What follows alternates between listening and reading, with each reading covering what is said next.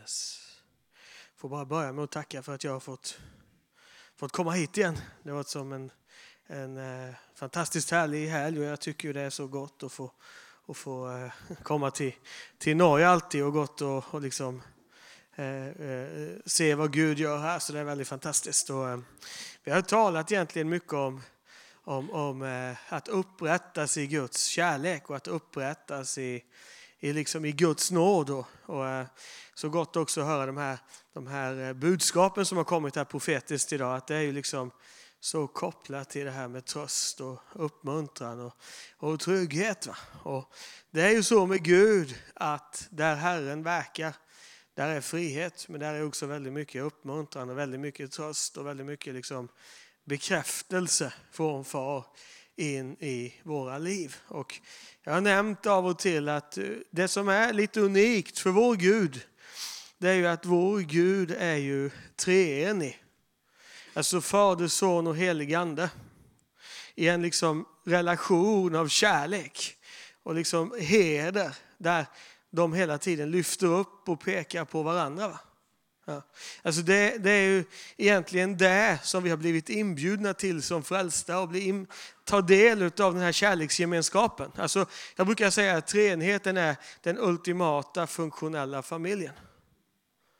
Därför att det finns ingen förkastelse, det finns ingen, ingen, ingen övergivenhet, det finns ingen bortvändhet, det finns ingen, ingen tävlan. Utan bara så mycket bekräftelse och nåd som flödar hela tiden. Heder och, och så här. Och därför så när, när, när, du, när du hör hur, hur Fadern talar i, i Nya Testamentet, varje gång som Fadern säger någonting så pekar han på Jesus. Han säger, säger det här är min son, den älskade. I honom har jag min glädje. Det här är min son, den älskade. Lyssna till honom. Eh, därför att det är så kärlek funkar. Att den man älskar vill man liksom lyfta upp, vill man ska, ska gå väl för, vill man peka på. Och när sonen går på jorden så är han hela tiden intresserad av att peka på Fadern. Säger saker som att jag kan inte göra något annat än det Fadern har sänt mig till och eh, hans gärningarna är Faderns verk och läran som jag har fått kommer ifrån honom och allt sånt där. Och, och, och den heliga Andes uppgift är ju att peka på Jesus. Alltså det finns en, och, och, då försöker folk ibland på något sätt göra det här till en, till en eh, sätta det i system. Vem ska man prata med? Hur funkar det här? Och jag brukar säga att man kan vara ganska avslappnad till det. Du kan bara prata med den du, du känner du vill prata med just nu. Alltså Fadern blir inte knäckt om du säger något till den helige Ande. Den helige Ande blir inte missnöjd om du, om du, om du ber till Jesus. Jesus tappade inte om du, om du, om du tillber far, utan det, det, finns liksom någonting i det här med treenigheten, att de älskar att lyfta upp varandra. Det är inte frågan om en rangordning utan en relation som vi är inkluderade i. Och det gör att Gud är extremt intresserad av våra liv. Och, och det, jag tänkte tala lite grann om det, om det idag, därför att Gud, alltså Jesus har köpt oss och priset är betalt. Det känner ni till, eller hur? Att han har köpt oss, han har köpt vårt liv, han äger oss. Och jag brukar säga att när han köpte dig så fick han aldrig några problem på köpet. Det är som en del av en paketlösning. Det ingår i priset. Så jag brukar säga till Gud så här att mina problem är som dina problem och du är bättre på att lösa dem än mig så du måste hjälpa mig. Eh, och, och, det finns något i det här där Gud är intresserad utav hela våra liv. Han är intresserad av glädje och sorg. Han är intresserad av svaghet och styrka. Han är intresserad i framgång i motgång. När det går väl för oss, när det är tufft för oss, så vill han på något sätt finnas där i våra liv. Och därför så är det så gott att bara se Guds nåd, Guds kärlek. Och, och, jag lärde ju mig det här vet ni, i och med att jag, jag det, många av er ni känner ju till min story lite grann och hur jag satt i fängelse i ett och ett halvt år och liksom kidnappad för evangeliet och slagen för evangeliet och allt sånt där. Och ibland så säger människor så här till mig att det går bra att tala om kärlek och nåde här i västvärlden. Men om det kommer tuffare tider, då, då, eh, då behöver man tuffare saker. Va? Så här. Men vet du, vad, vet, du, vet du vad jag lärde mig? Att det är ingenting annat som håller än Guds nåde när du är, när, när du är i en sån situation. För vi hade ett dödshot över oss varje dag. Och, och våran överlåtelse håller det inte. Våran kraft håller inte. Våran trofasthet håller inte. Men Guds nåde är nog. Det Jesus har gjort är nog. Kristus håller. Och det är väldigt bra att komma ihåg det. För det är ju så med ditt liv, eller hur? Det har du märkt. Att ibland så går det väldigt bra för dig. Och ibland så går det lite mindre bra. Du har varit med om dagar utav glädje och framgång. Och du har varit med om dagar, i dagar av sorg och allt sånt där. Och det är intressant för mig att veta att Gud finns med i hela mitt liv.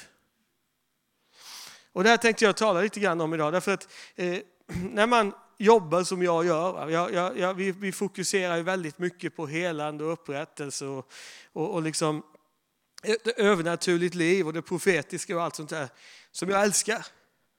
Men sen är det ju det att du, du märker, och då, och då ibland när vi delar vittnesbörd så är det väldigt spännande att tala om vad Gud gör, hur människor blir helade och förvandlade och allt sånt här. Men när man vandrar med människor så ser man att det är inte alltid det som är vittnesbördet, eller hur? Utan vi ser fantastiska segrar. Men ibland så möter man människor i ett lidande där de inte har fått uppleva helande och frihet. Jag kan ta ett personligt exempel på det. Vi, ser människor ganska, vi har sett ganska regelbundet människor helade från cancer, människor helade från olika sjukdomar och sådär. Samtidigt har jag en son hemma som har både eh, ADHD och lite autism och dyslexi och så. Och jag ber för honom ganska ofta. Jag har bett mycket för honom. Men vi har inte sett ett genombrott än. Vad gör jag med det? Eller min pappa som eh, blev frälst ur ett drogmissbruk och så bad vi för honom för han, blev, han var väldigt illa åtgången i kroppen. Men fastän vi bad så dog han när jag gick gymnasiet. Och, och, och på något sätt, för att din tro ska vara sund så, och för att du ska kunna liksom ha en sund känsla, så för jag vill att du ska be för sjuka. Jag vill att du ska få tag på nådegåvor, att du ska profetera och allt sånt här. Men vi måste kunna liksom på något sätt se att Gud finns med i hela livet. För annars blir det så när du kommer in i, i, i, i en tuff tid att du undrar var finns Gud nu? Gud var ju med förut. Men vad gör Gud nu? Alltså, de, de här sakerna tänkte jag tala lite grann om idag. Eh, och, och, och, jag skulle egentligen bara vilja läsa ifrån eh, andra Korinthierbrevet kapitel 12.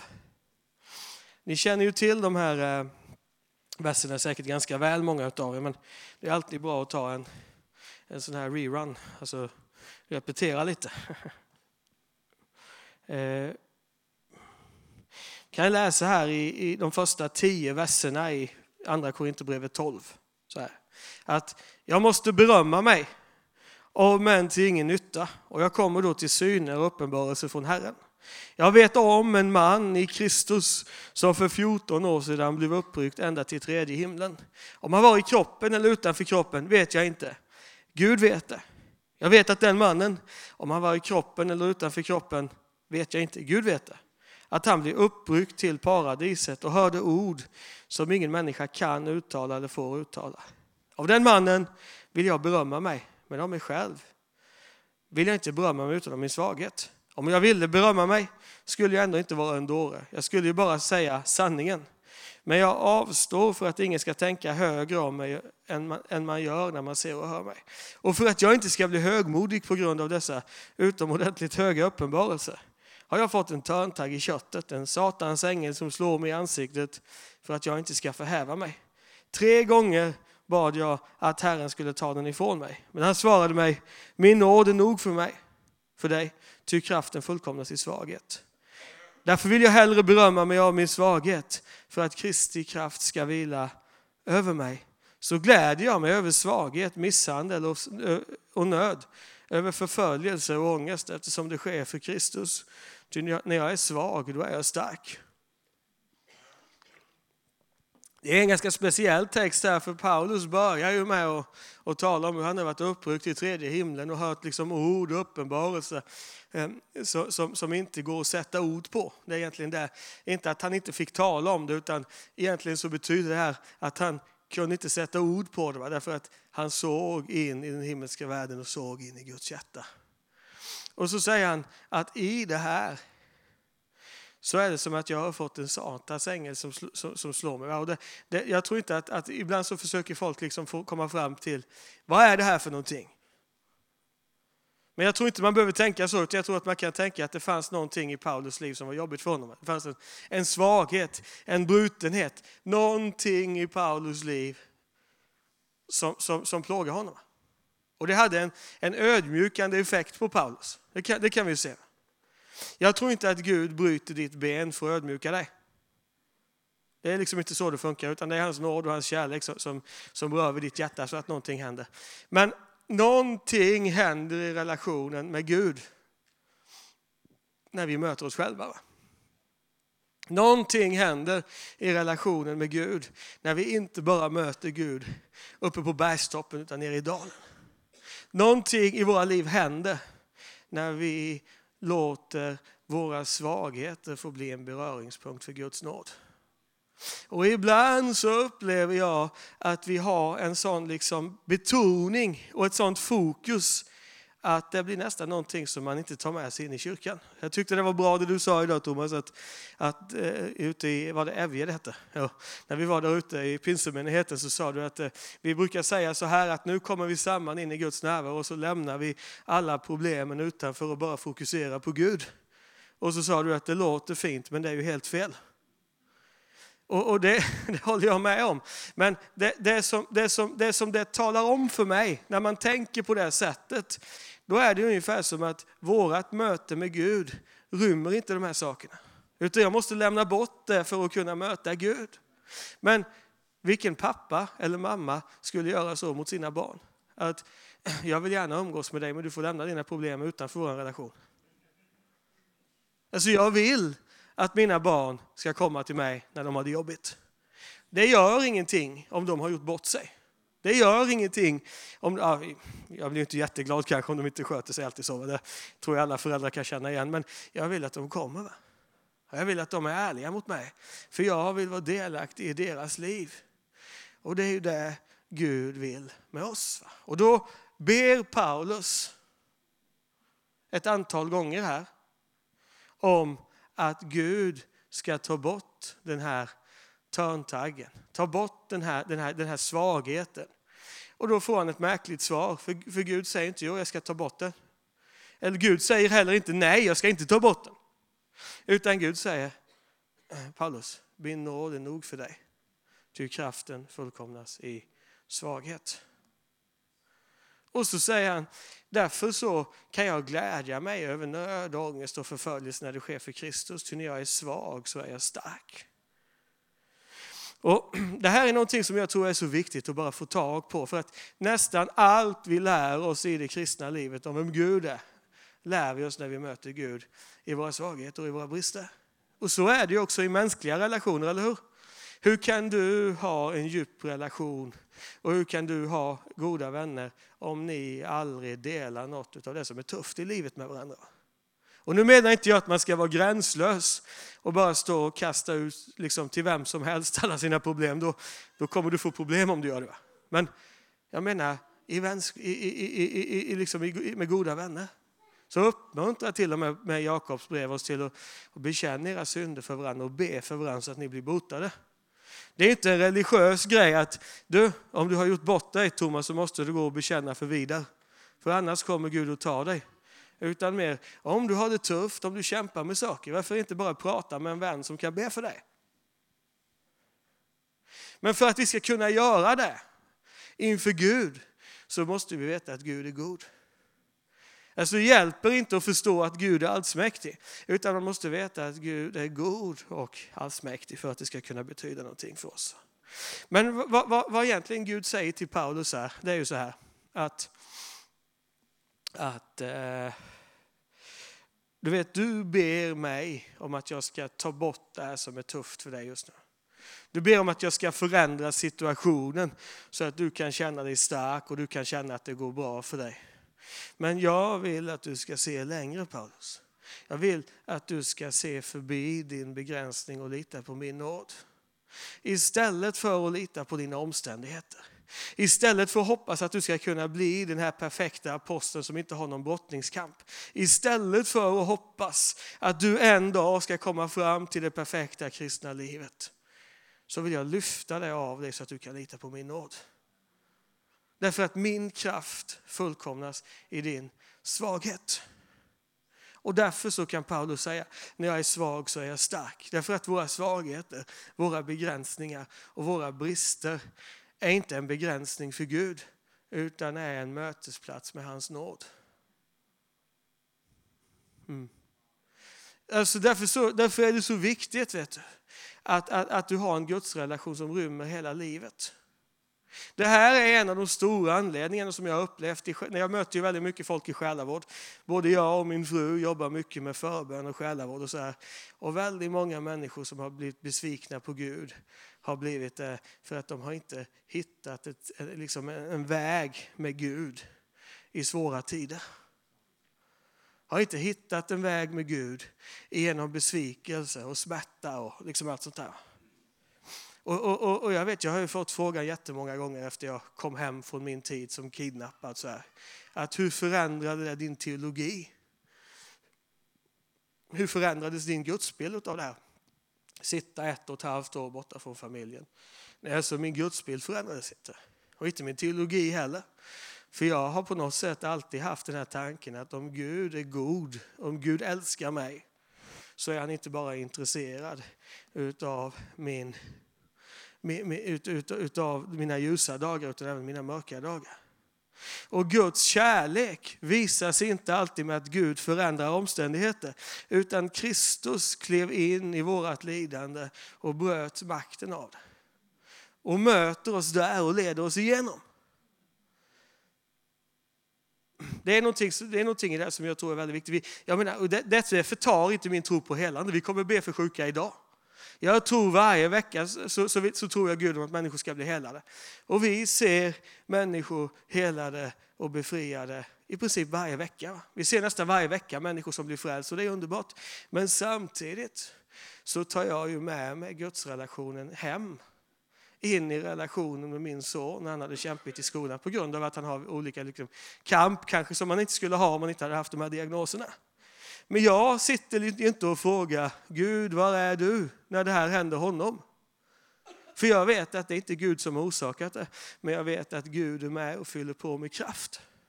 Jag vet att Gud kommer med nåd. Jag vet att Gud kommer med tröst. Jag vet att Gud möter oss även i brutenheten. Ja. Och, och, jag kommer ihåg när jag satt mig, jag hoppas det är okej okay att jag är lite mer personlig i det här söndagsmötet. Jag kände att jag skulle vara där.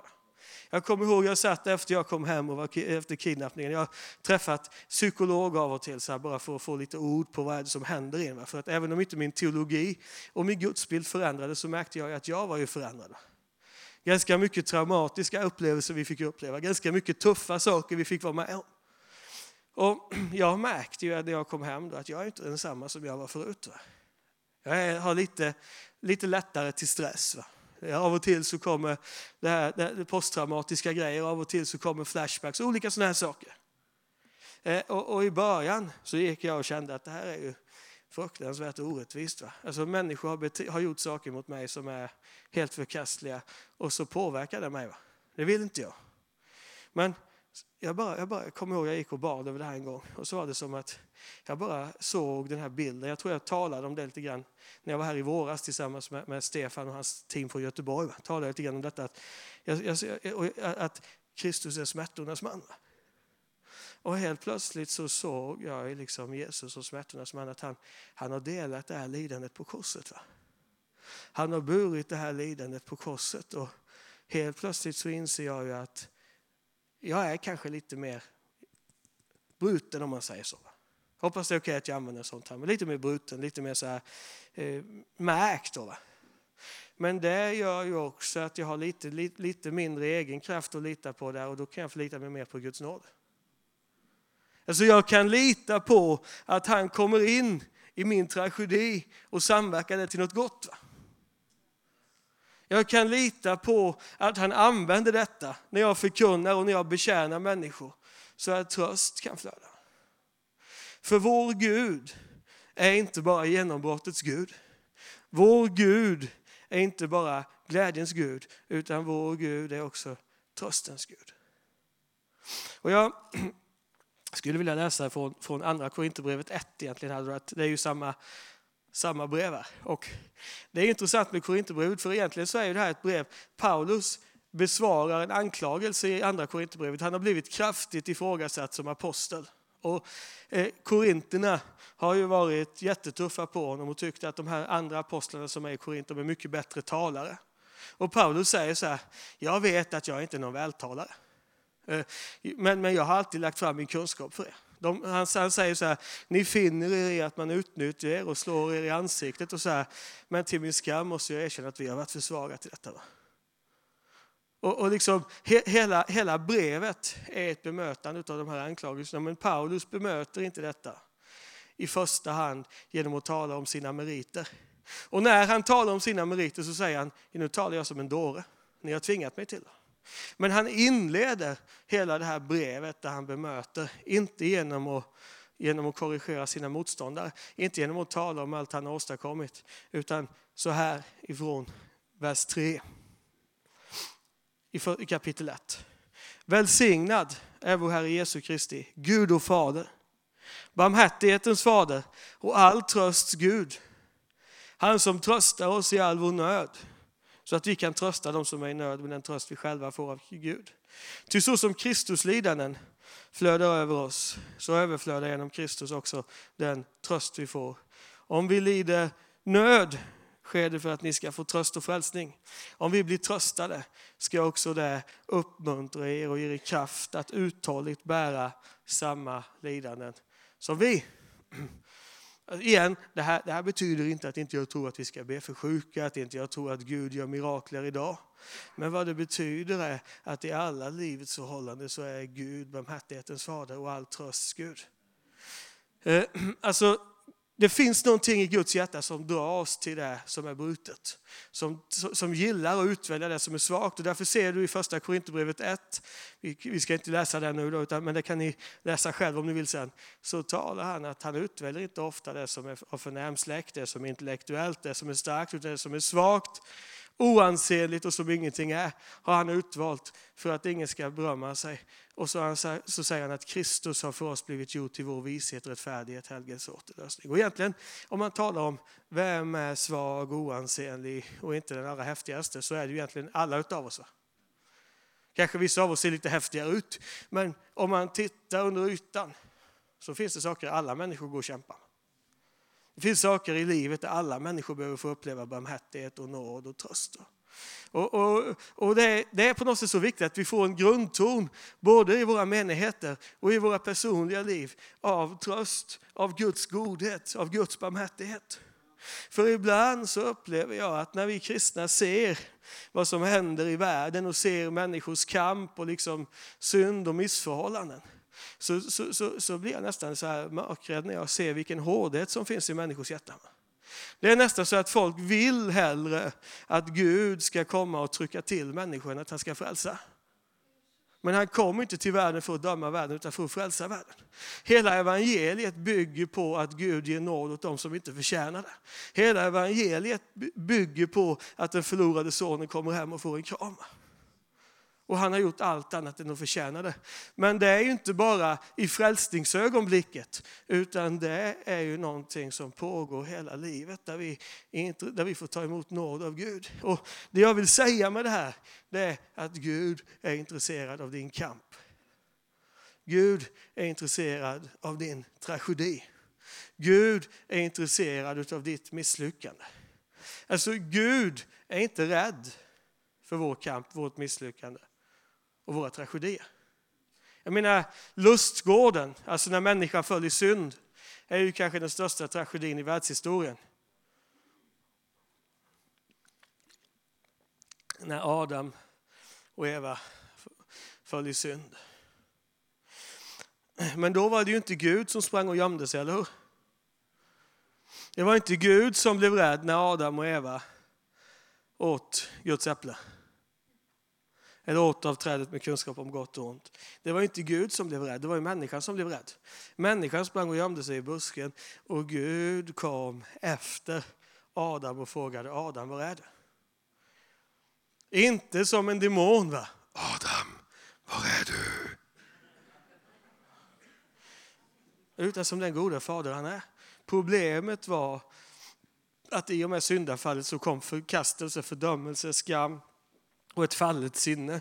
Så från och med nu så såg människan Gud som sin fiende. Men Gud har alltid sökt relation med människan. Och det är ju därför Jesus talar om det förlorade fåret. Va? Ett får försvinner, 99 är kvar. Och heden ges inte förrän han har sökt det förlorade fåret. Det är det som händer i Jesus Kristus. Det handlar om att Gud i sin kärlek sträcker sig ut för att omfamna världen och föra den förlorade sonen hem. Och på något sätt så vill Gud komma och röra vid det som är förlorat i våra liv. Det som är trasigt i våra liv, det som är brutet i våra liv.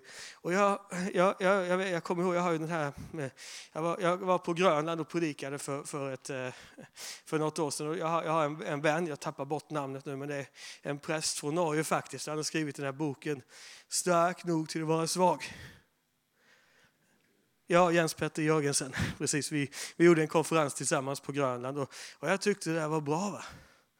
Därför att det kräver en mycket större styrka inför Gud att leva ett uppriktigt liv.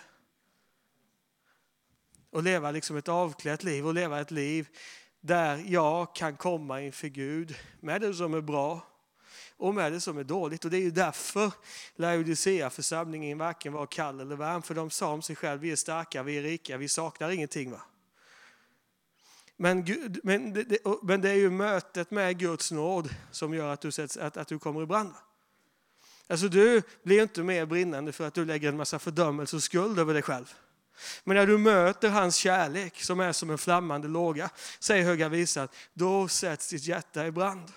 Och vägen in i detta är ju inte att du försöker prestera något inför Gud och säger till Gud, jag har fixat detta. Jag har fått till det. Du kan komma och röra vid mig nu för jag, jag, jag är där att du kan använda mig. Utan någonstans så blir ju vårt hjärta mottagligt för Gud. Mottagligt för Guds kärlek när vi ser hur mycket vi har fått förlåtet. Jag vet inte om ni kommer ihåg kvinnan som kommer till Jesus och farisén blev lite arg för att hon tvättade fötterna på Jesus med sina tårar, torkade dem med sitt hår. Och så liksom säg, säg, säg, säg, tänker Simon, om han vore profet så skulle han veta vem den där kvinnan är som rör vid honom. Skulle han inte ha tillåtit det, det är en oren kvinna. Så. Då berättar han en liknelse. Och själva poängen i den här liknelsen är den som har fått lite förlåtet älskar lite, men hon visar så stor kärlek för hon har fått så mycket förlåtelse för sina synder. Alltså, du får stor kärlek till Gud när du inser hur mycket han har förlåtit dig. Du får stor kärlek till Gud när du lär dig att ta emot kärlek, nåd och tröst ifrån honom. Och därför så blir ju just dina svagheter, ditt misslyckande, en mötesplats mellan dig och Gud. Och det, det, det, slår, det slår nästan aldrig fel. Alltså när vi ser människor som kommer till Gud på det sättet. På, med en ärlighet, med en öppenhet. Så möter Gud. Vi har sett så, vi har sett så många gånger. Jag, jag kommer ihåg jag var och predikade i Östersund i Sverige. Det är liksom en bit eh, eh, ja, någonstans i mitten av Sverige. Så här. Och så har jag predikat och, och liksom, eh, eh sitter och dricker kaffe. Och så kommer det en kille, han vågar inte komma på mötet för han var lite så här halvrädd för kyrkan. Och så, men han ville ha kaffe. Så han tänkte jag kommer efter kyrkan och så skulle han komma och träffa, träffa sin fru, då, då, hon var på mötet då. Hon var, hon var frälst men han var inte där. Och så sitter hon och pratar med mig. Så det gör han också. Och jag säger ju inte till honom att det är jag som har predikat för då hade han rest sig upp och gått till ett annat bord. Han var som lite så här rädd för oss kan man säga. Och så sitter vi och pratar och efter ett tag då så kommer det fram till att det var jag som predikade i alla fall. Och han insåg då att jag var nog inte så farlig ändå. Jag pratar inte bara latin, jag pratar svenska också. Så eh, sitter vi och pratar och så bara frågar jag om hans liv och så säger han att du vet, jag är ju inte god nog till att bli frälst. Jag är ju inte där, jag menar min fru har blivit frälst men jag, jag kan inte. Och jag sa, nej jag vet att du inte är bra nog, jag vet att du inte kan heller. Men jag vet en sak, att Jesus älskar dig. Och han har tagit din synd och Fadern står här med öppna armar för att ta emot dig. Och så frågar han, menar du att jag kan bli frälst nu, även om mötet är slut? Och jag säger absolut. Och så ber vi tillsammans och så kommer Gud bara in och gör någonting i hans hjärta som är så starkt. Och så gråter han och så kommer både, både frälsning och förlåtelse och en massa helande och så. Därför att han insåg att Gud sänder inte på starkhetskanalen. Utan Gud möter oss när vi kommer till honom som vi är. Sen älskar han oss för mycket för att låta oss förbli som vi är. Det är också bra att veta att det finns, det finns en förvandling i Guds kärlek. Men, men det börjar med att Gud rör oss där vi är. Och jag, jag, ska avsluta här lite grann med en text ifrån, eh, ifrån Filipperbrevet 2 som talar om samma sak. Alltså, vi har sett Gud i barmhärtighetens fader, all trösts Gud, som kommer med tröst och barmhärtighet in i våra liv och trösta oss i allt vårt lidande. Kommer med tröst in i all vår nöd så att vi kan trösta andra människor. Och ibland så, så får jag tanken att när, när, och det här är ingen fördömelse, jag kämpar själv med detta. Jag står själv i förkunnarteamet i vår i våran menighet hemma i Sverige. Och ibland så, så bara ber jag till Gud om att vi måste bli, bli, bättre på att kunna trösta människor. Vi måste bli bättre på att kunna möta familjer i, liksom, i, i, i, som kämpar. Vi måste bli bättre på att kunna hjälpa ensamstående mammor och liksom möta människor mitt i livet. Alltså, för det är ju en del av evangeliet, att komma med tröst till de sörjande och att komma med hjälp och liksom till de sargade. Och så här, men det är svårt för mig och ge någon tröst från Gud till andra människor om inte jag själv har fått uppleva det. Det är svårt för mig att ge Guds kärlek och Guds godhet vidare om inte jag själv har fått göra det. Och därför så behöver vi hela tiden leva i ett mottagande. Vi behöver hela tiden komma tillbaka till det här att inför människor tjänar vi och ger våra liv.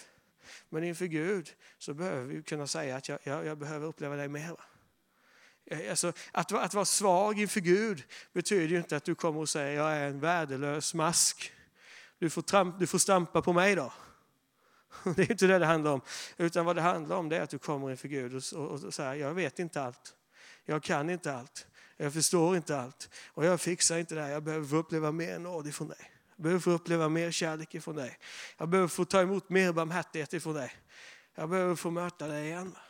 Och jag, jag har det som en, som, som, en, som en del som jag gör i mitt andaktsliv. Att när jag, när jag liksom har min, brukar ha min bön och bibelläsning på morgonen så brukar jag ha ganska mycket så här eh, soaking bön eller liksom inre bön eller om ni vill kalla det. Då bara, då bara slår jag på stilla lovsångsmusik och sen så bara ligger jag och bara tar emot. Va? Alltså jag ber egentligen inte då så mycket utan jag mest ligger där och låter Gud betjäna mig. Det behöver inte vara flera timmar. Va? Det kan vara en stund på morgonen där jag kommer till Gud inte för att ge honom något utan för att han ska få betjäna mig. För han kom och tvättade lärjungarnas fötter. Och han är densamma igår idag och så och till all evighet. För jag vet att ska jag kunna ha någonting att ge när jag predikar, ska jag kunna ha någonting att ge när jag betjänar människor, så behöver jag ha, liksom ha, ha, ha ett påslag hela tiden. Där Gud får möta mig först. För jag kan bara ge det jag har fått. Och om jag slutar se på mig själv som en mottagare och bara ser mig själv som en givare, då stryper jag ju flödet. Va? Och det är ju det som är grejen, att ju mer tillfredsställd och mättad du blir på Gud, ju mer hungrig blir du. Det hör som ihop på något sätt. Va?